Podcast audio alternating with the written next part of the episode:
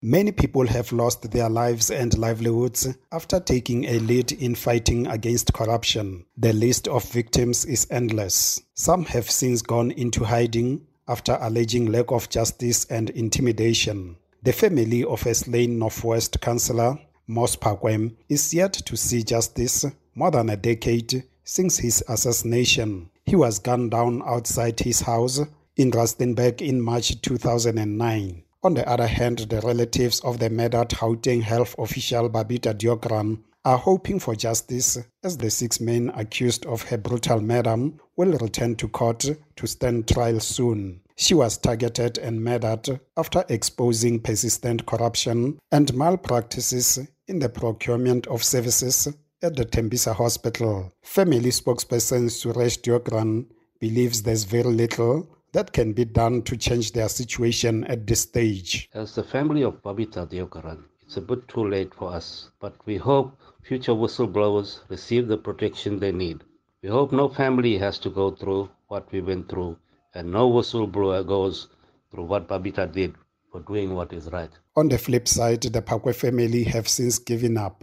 This after former Rustenburg Mayor Matthew Wolmarans and his bodyguard Enoch Matshabam have successfully appealed against their conviction and sentence in 2013. Phakwem had just returned home from an ANC election campaign when a gunman shot him while still inside the car. This happened just two days after handing over documents purporting a large scale of corruption in the Rustenburg local municipality to the authorities. Ben Thoron is the executive director at the Whistleblowers House. Uh, and Judge Zondo said this previously. He said the, the whistleblowers are the easiest mechanism to help uh, fighting corruption.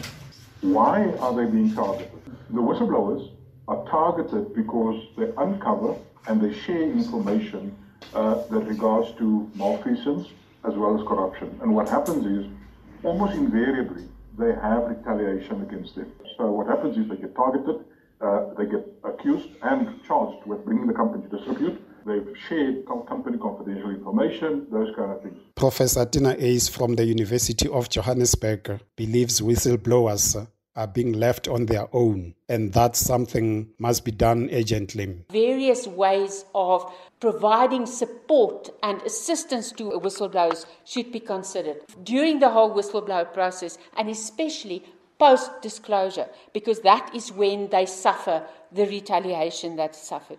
And one of the things that I would like to suggest is that a whistleblowing complaints authority as a Chapter 9 institution should be implemented so that whistleblowers can have an organization that looks at the situation that they can approach and that could organize various ways of support, compensation, for example. Nishan Bolton from the Ahmed Kathrada Foundation says whistleblowers are vulnerable and soft targets. He says they need greater protection. And that's the only way that we can genuinely pay tribute to all of the people like Babita and others who have died in the cause of serving this democracy. Yeah. I think more has to be done from the weaknesses in our legislation to the actual protection of whistleblowers.